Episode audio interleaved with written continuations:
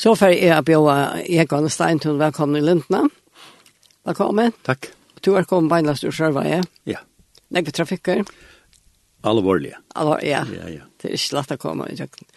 Men det som jeg husker om, det var, halvt var nasse neste vikskiftet, da var vi til Sarepta, og da hørte jeg det lese noen iskinger, og som, som du selv har skrivet, det var så gåvar, jeg husker om du ikke kunne komme og se jeg sin om der og, og lese det opp.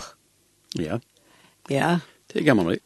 Jeg vet ikke om, det, om du finnes ved yrking alt ut lov, eller at det er... Ikke alt ut lov, men, men um, jeg har alltid gjort det sindre av det, men til 17 år jeg har omstående gjort det, at jeg kunne gjort nek mer av det. Ja. Så, så nå da blir det nok snakk senest nye. Jeg har brukt uh, Facebook som en pall til å legge der ut.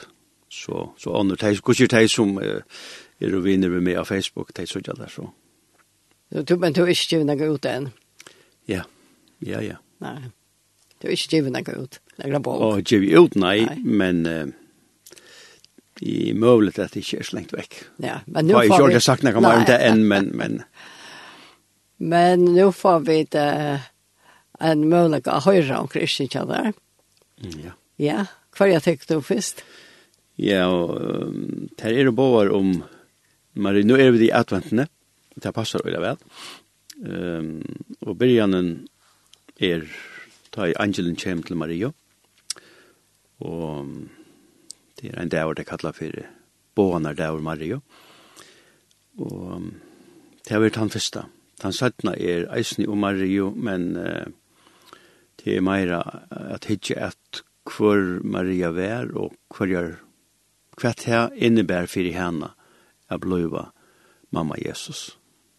Då det var en oppgave som ikke luktes nærkere i ærer, som, som vi vet om, altså er, er oppgave. Ja.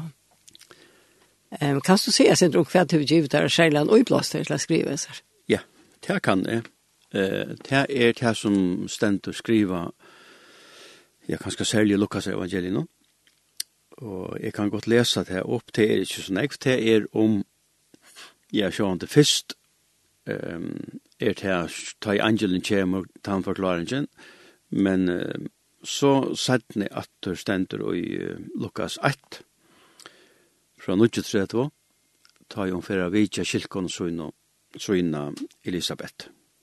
Og her stender så leis, men og i hesson døvum før Maria av sted, og feraist skundeslega til fjallabygdenar til eina bygd og i Judeo. Og hon kom inn vi hus tja Zakariase og halsai Elisabeth. Og det var så at uitui Elisabeth hørte halsan Mario, ta spalte boreren og i møverløv i hennara. Og Elisabeth fylltist av hinnon heilige anda. Og hon råpai vi herare rødd og sier, valsigna er til av kvinnon, og valsigna er frukt mauerløstens. Og kveian i hender hetta med at mauer herramons kjemmer av mun fond, tui sui, ui tui at ljaui av halsan tuini kom er i øyro, ta spalte boreren av frøye og i mauerløyve munnen. Og sel er hon som troe, tui at her skal genga ut som tala, som er tala av herranon til hennara. Og Maria sier, hot sæter sjal moin herran, og frøtse hever ande moin og i gode frelsara moinon, tog at han hever hukt til løytes vire tænaste kvinnesøyner, tog søy fra hese stund mun og allar atter sæla med prøysa. Tog at størverk hever han med gjørst hin alvaldi og heilat er navn hans. At det er helt utrolig henting, eller hva man skal si det, ha? Ja, hun er øyelig kjølsom, ja. og ja, hun er så kjølsom at det er bare en til av henne. Ja. Og, og, og det som, som er som ofta räkar med ta i läs i detta till det som ständer att ehm tog att tog sui det ständer i öron de 84 sätten helt tog sui fra hese stund mono allar atter sæla med prysa og jeg har ofta också om det om vit oppfylla hatta ørendi her her heima. Tan tan tan tan pastren av vingarna som vit er pastor av tan protestantiske pastren om vi gera det som her stendur om vi prøysa henne sæla som vær spesiell. Eh hon var mamma Jesus det vil si hon var mamma Guds. Ja. Og det er altså ikke hva som helst som er det samstundes som hon var en vanlig menneske. Ja samstundes var en vanlig menneske og tog at til eisne, nå du ikke lyst til om til Anken kom til Marie. Ja, nettopp. Men hun var blei ung. Ja, hun var blei ung, og, og det er rødder framme om jeg har ikke kannet det her selv. At hun kanskje var en tannvaringer, altså. En ja. stor tannvaringer, og, og hun var av fatakast til falkon, og hun var ikke gift, og det var en katastrofa. Ja. Og, og, og, og for jeg ser det bare ikke ut, så hei hun fotla kjøtt og av som omberingen som vi tjekkast om i samband med fostertøk og i det. Hva du skal godkjenne eller blastempla enn fostertøk og i det. Ja. Hon har fått kjøtt av timen, og hon sier, være mer etter vilja tøyne. Det er ikke fantastisk, hon sitter her, ja. her, og, og fyrer røyka. Fullkomlig og fyrer ja. røyka, ja. Men, men det er sånn grunn at hon akkurat utvalgt, da? Ja, det, det må man så si at uh, och och ta ta i istjoman så skriver så ser jag till som er får nåje vald av Herrens raj. Ja. Att hon är inte av själv. Nej, inte valta låt och kunna høre henne. God god hej valta henne ut ja. Ja. Ja. Boan Maria. Heil to Maria, jomfru von. To ver vi baden och skall eia son. To som hevur funne nøye, Vald av herrans raj. Mer ongen meavur hever veri nær, hvordan skal jeg vite at jeg var til svær? En samøll under døgnon, mer veri etter året tøgnon. Og ung, og ung, bærs jenta enn, og ung er fåast vi vaksna menn. Hva fer at jeg sier bøgnon? Mer veri etter året tøgnon. Og avgift i eret hans største bøye, hvorfor jeg vilja veita mer nøye, kanska bæra færen og skuinon. Mer veri etter året tøgnon og sone moin vera skal støster av öllum, flottur jögnum me ur himmasins höllum, nu skilji onki vi vite moinum, mer vere etter året tøynum. Mm. Og fatak er Guds son at bæra, og fatak at han kan leta seg gjera. Han kjemur ur høllum føynum, mer veri etter året tøynum. Og heila i anden iver me skal skukka, men tægje vi vite noen ongan ukka men god må gjere etter vite søgnon, mer vere etter året tøgnon. Og Josef, som hjarta mot elska mann, gosse vi hånden, hva sier man han? Hva kan han vilja og skilja av strøgnon? Mer vere etter året tøgnon. Og Jesus var føtter av Marie og Moi, som gav han løyve, så han fikk døy. Tjekk løyengar ved under svaren på innom, alt vær etter året på. Ja. Ja, det var andan, ja. Men det er etter året tøynen, ja. Og det er jo det som er bo fra flere ferie skriftene, lenga tøyer fram og undan, etter for å hente, etter året tøynen. Og det hendte så etter året tøynen, ja. Det hendte etter året tøynen, ja. Så man då ett lå i mynta sig stövna som hon var i, Maria, som du, du nevner här på att hon, hon kunde vara frist ut i samfunnet. Ja. Og alt løyve ikke henne. Ja, spørningen er om vi ikke kunne være verre enn til å friste ut i samfunnet, om vi ikke kunne være steina. Det er alltid jonkere har vært det til. Nå har vi ikke fire ganger med på det. Nei, nei. Det var olvarsamt, ja. Det var gusher olvarsamt, ja. Ja.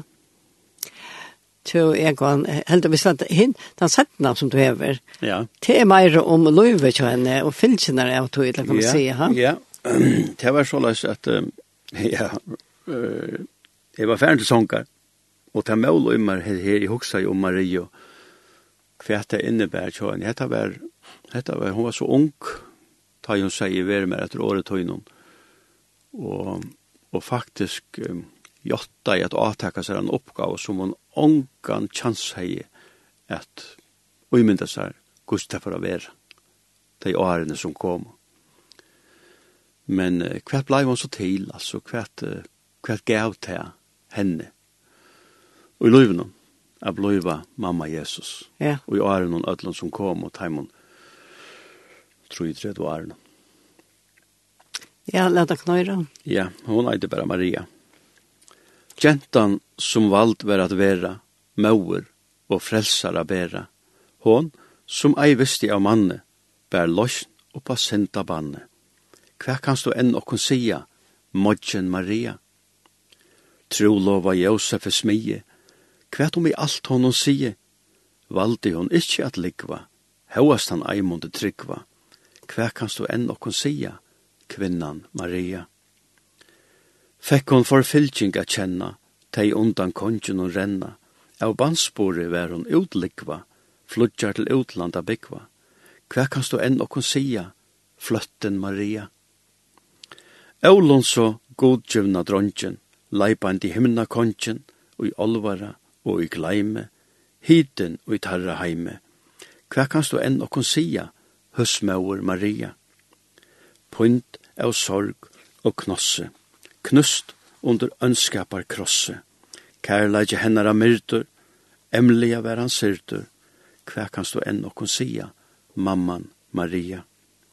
Reis ur deian og svarta, glitrar nu glæman bjarsta, gleien og i marri og jarsta, alt og i man heimen skarsta. Hva kanst du enn okkon sia, Guds mauer, Maria? Satta just oppgave tøyna, som ema sattast vi møyna. Guds er megin og løtan, om torgongt og kvass er gøtan. Tæmast og enn okkon sia, Guds badne, Maria. Ja, virkelig godt. Her er det nekva syre av henne løybe.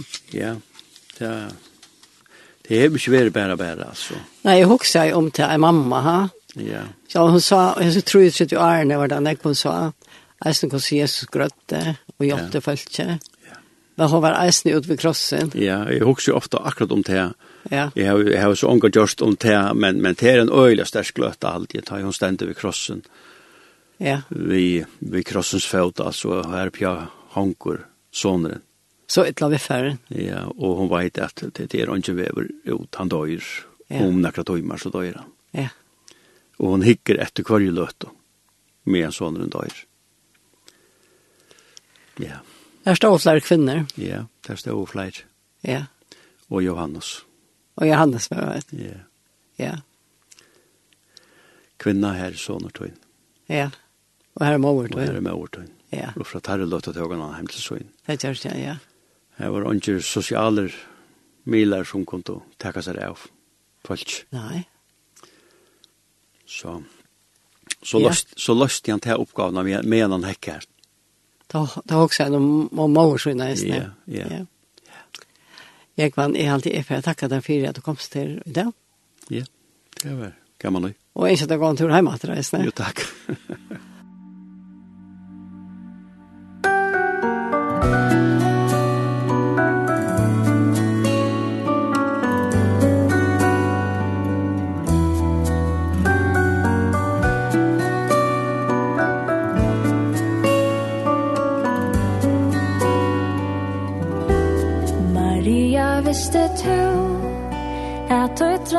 vänja barn Av vattne fer at genga Maria visste tu Att du dranja barn Kan bötnum varom bjarga? Visste tu Att du dranja band Just kom att vysa vän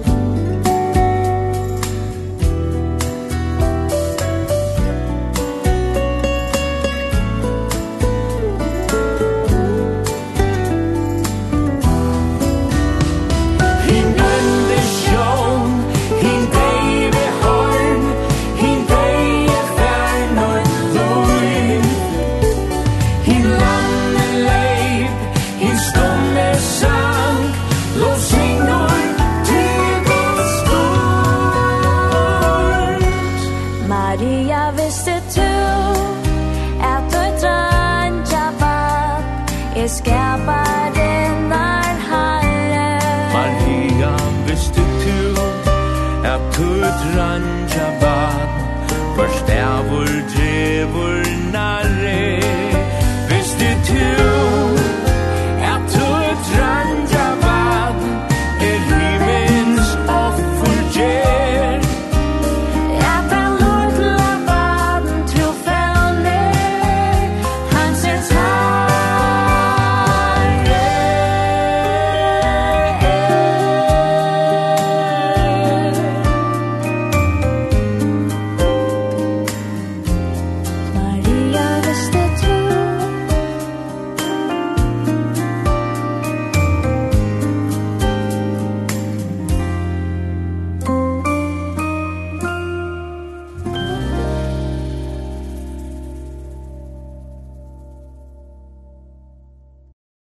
her hørte vi et prat vi Jera Steintun, og han leste hver ekvelige gjerstad neman til Ishtingar om Marige.